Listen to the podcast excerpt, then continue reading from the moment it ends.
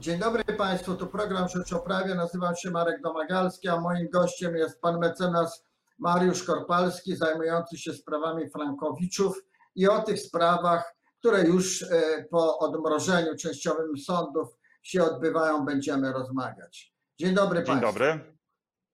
Panie mecenasie, sądy wychodzą, zwłaszcza sądy cywilne, z, e, z okresu epidemii. E, Nazywamy to popularnie odmrażaniem tych sądów. Zaczynają się pierwsze rozprawy. A jak to jest z Frankowiczami? E, Po pierwsze, jak rozumiem i podejrzewam, ich sprawy muszą się toczyć na rozprawach, więc czy się toczą, czy Frankowicze się śpieszą do tych sądów, a może wykorzystują moment, żeby sobie odpocząć, poczekać. Nie muszą się toczyć na rozprawach, bo to są sprawy, po pierwsze, tak, takie jak każda inna cywilna, która jest objęta przepisami. Po drugie, właściwie to one to są sprawy dokumentowe. I właściwie, jeżeli bank nie jest w stanie wykazać, co było w treści umowy i w treści pouczenia o ryzyku na piśmie, to wszystkie inne okoliczności, które klient może pamiętać, czy pracownik banku może pamiętać, są drugo- lub trzeciorzędne. Y, To jest y, jedna rzecz, że to powinno wynikać z dokumentów, a drugie, o czym trzeba pamiętać, to że przepisy po nowelizacji y, procedury umożliwiają w dużym zakresie zastąpienie słuchania świadków, słuchania stron mm, odebraniem ich zeznań na piśmie.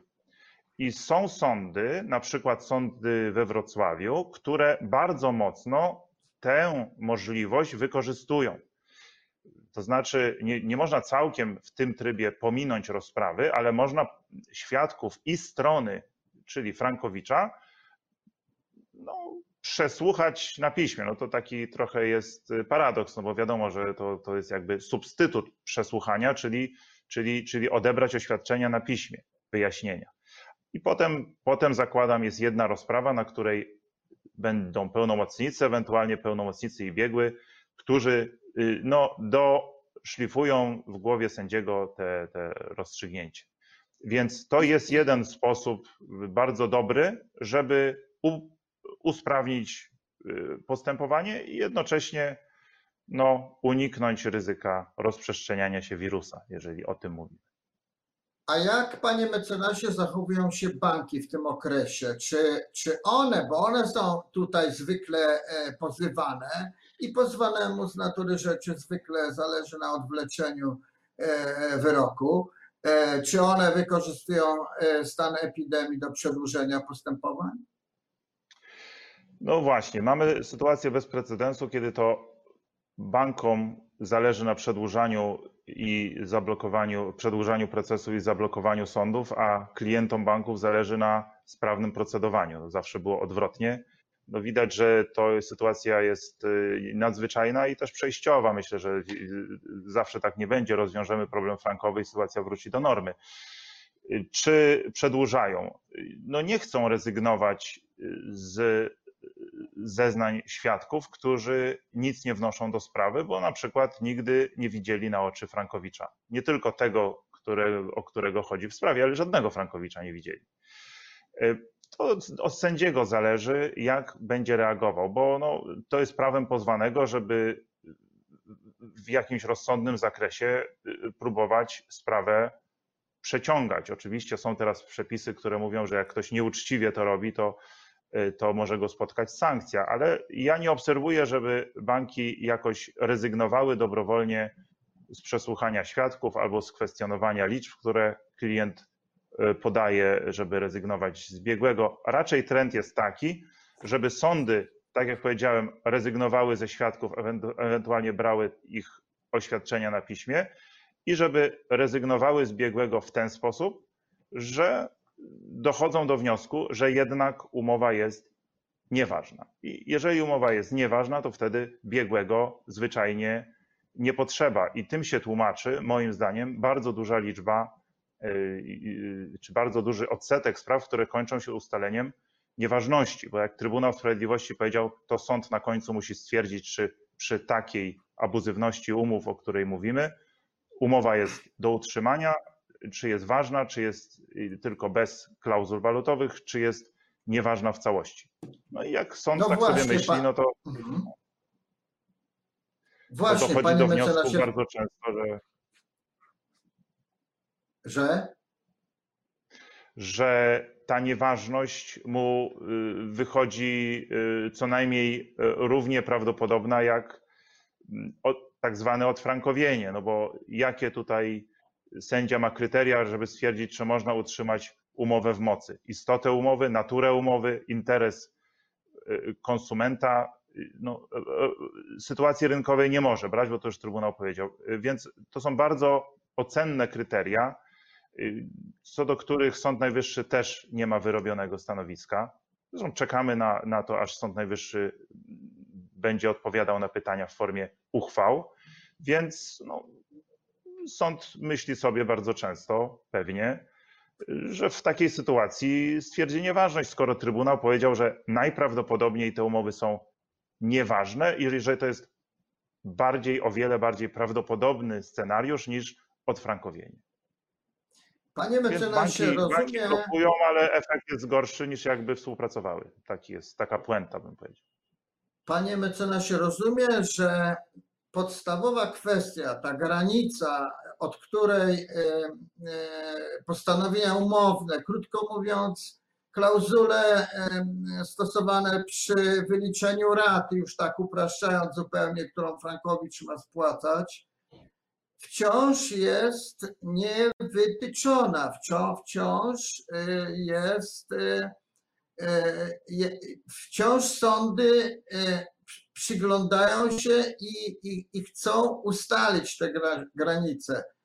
E, Bo wspomniał Pan e, o Luksemburgu, ale też wspomniał, że czekamy e, na rozstrzygnięcie Polskiego Sądu Najwyższego, gdzie rzeczywiście czekają pytania. Ale czy mamy już przynajmniej, czy się zbliżyliśmy do, do granicy, czy do jakiejś zasady, jak bank ma się rozliczać po wyroku z Frankowiczem? Chodzi No, o, o tak zwane się- salda, czy kto pierwszy, ten lepszy. No tutaj się nie zbliżyliśmy. Jesteśmy w tym miejscu, w którym byliśmy 3 października, gdzie Trybunał powiedział, że albo umowa jest nieważna, albo umowa jest ważna, ale bez klauzul. I w tym momencie mamy matrycę trzech rozwiązań. Jeżeli jest umowa nieważna, to albo mamy, że każdy ciągnie swoje, czyli dwie skargi albo dwie kondykcje, w- jeden drugiego ciągnie i kto szybszy, albo kto sprawniejszy, albo ten lepszy. Albo mamy saldowanie i nadwyżkę tylko sobie zwracamy, to jest przy nieważności, Tak albo powiedział, odfrankowienie, tak no to powiedział. żmudne wyliczenia. Tak. No Trybunał nie, Tak nie, nie, nie, nie wchodził w szczegóły, ale no to wiemy z orzecznictwa, jak się kształtuje orzecznictwo w Polsce i przed, przed czy 3 października i po 3 października, że w przypadku nieważności yy, no, w orzecznictwie ścierają się dwie yy, koncepcje, które są yy, tak, statystycznie prezentowane 50 na 50.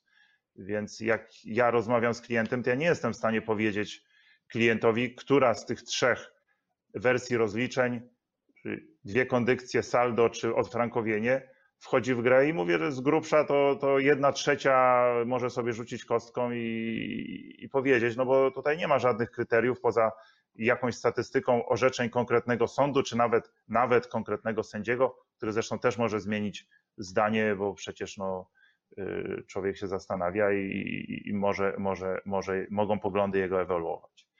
Czekamy, to jest Ale zadanie dla Sądu pan- Najwyższego, żeby ujednolicił orzecznictwo. Ale chyba już teraz pan mecenas może, zachowując te, te, te dwubiego, no, tę dwubiegowość orzeczeń sądowych, powiedzieć klientowi, ile e, wygra w jednym przypadku, a ile wygra w przypadku. Przynajmniej Tak, na ten oczywiście. moment. No, oczywiście taką y, symulację werbalną, nawet nie, nie popartą wyliczeniami, na takiej pierwszej rozmowie, widząc tylko umowę, można przeprowadzić, bo y, mniej więcej to jest kwestia y, w przypadku saldowania, no to, to, to wiadomo, że widzimy, ile zapłaciliśmy, ile zostało do zapłaty. W przypadku dwóch, dwóch kondycji, dwóch sald, czy dwóch skarg, no to w ogóle nie ma co liczyć, bo trzeba tylko zsumować, ile zapłaciłem i to wszystko jest do zwrotu. A przy, przy odfrankowieniu tak zwanym, no to y, nie pomylę się wiele, jeżeli powiem, że z tego, co klient zapłacił, zwykle 30-40% jest do zwrotu i 30-40%, niezależnie od tego, y, od, od salda, które bank podaje, jest, do, jest, y, jest, wynosi saldo, czyli no, razem to jest ponad 50% zmniejszenia zobowiązania wobec banku w przypadku odfrankowienia, które i tak jest rozwiązaniem rachunkowo najmniej korzystnym, ale warto o nie powalczyć również. Jak długo, panie mecenasie, trwa taki proces? No, ten proces może trwać od pół roku do patrzę jak trwają te procesy, do 5-6 lat, no a jakbyśmy mówili o grupowym, no to jak wiemy ponad 10 też może być. Jeszcze o grupowym bardzo nie trudno, zapytałem. Bardzo, Rozumiem, trudno, bardzo trudno powiedzieć, ma, bardzo trudno powiedzieć. Sceptyczny stosunek, to już jeśli pan zaczął ten wątek, to zapytam, bo właśnie przed dwoma dniami 400 frankowiczów złożyło pozew grupowy nie pierwszy zresztą pozew zgrupowy w tych sprawach, tylko ten skierowali przeciwko państwu. Przeciwko państwu i otwartym tekstem piszą, że nawet jak przegramy, no może tak nie napisali, ale to tak wynika, to przynajmniej zmusimy, znaczy ustalimy, e, kto ściągnął na nasz, e, na nasz kraj e, chciałem powiedzieć biedny, ale przecież nie jesteśmy aż tak biednym krajem, przeciwnie, E, e, teraz w kampanii przynajmniej część, się, e, część graczy mówi, że jest całkiem dobrze, ale ktoś ściągnął na nasz kraj te kredyty frankowe to raz, a po drugie, dlaczego rząd tak długo nie, nie, nie wprowadził rozwiązań ustawowych. Jak pan ocenia, krótko panie mecenasie, bo to jest uboczny dzisiaj wątek, szansę takiego postu? Patrząc na,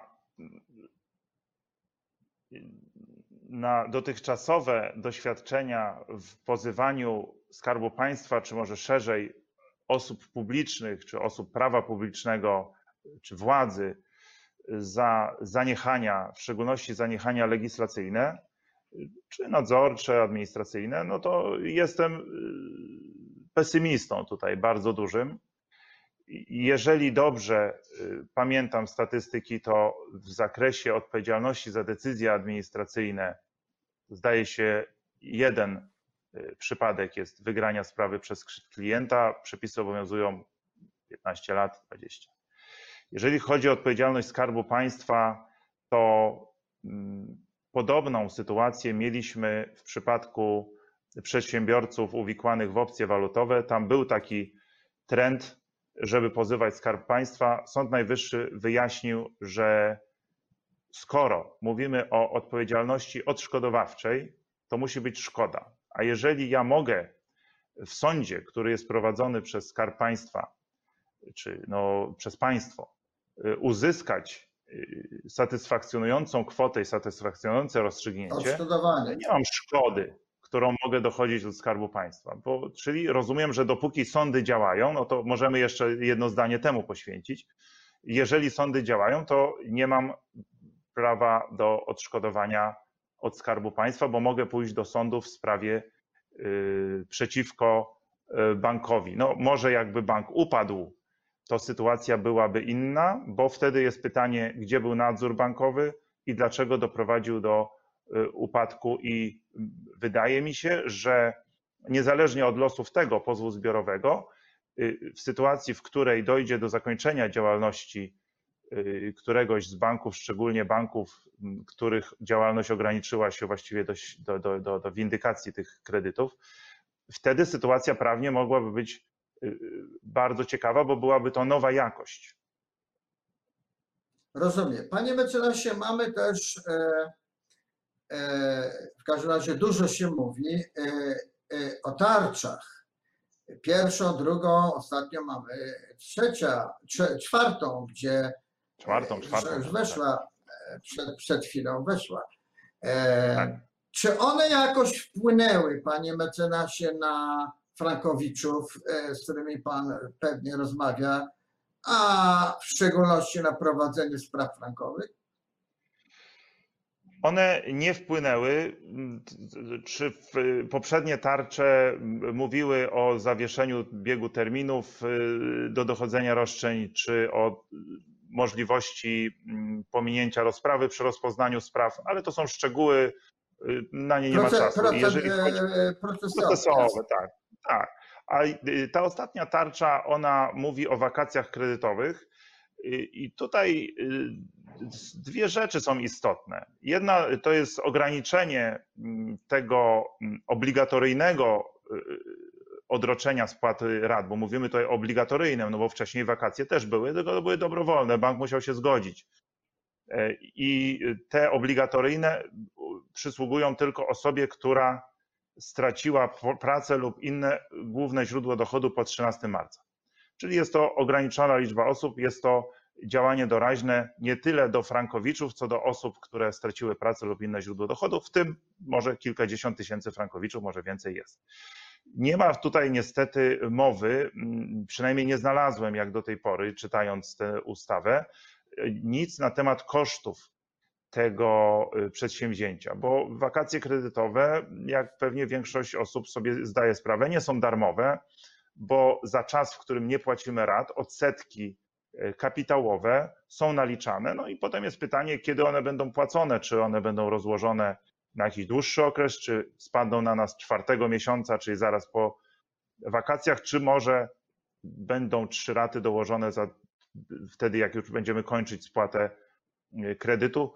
Y, tego, takich szczegółów ustawa nie reguluje i może szkoda, bo wtedy, wtedy mm, wszystko by było, skoro już ustawodawca zaingerował tak mocno w, w umowy między bankiem a klientem, no to może trzeba by było postawić kropkę nad, nad i i na przykład wskazać, jaka ma być formuła rozliczania, dlatego że ludzie są zdezorientowani, nie wiedzą, gdzie szukać tych kosztów. Nie zawsze bank o tych kosztach właściwie informuje.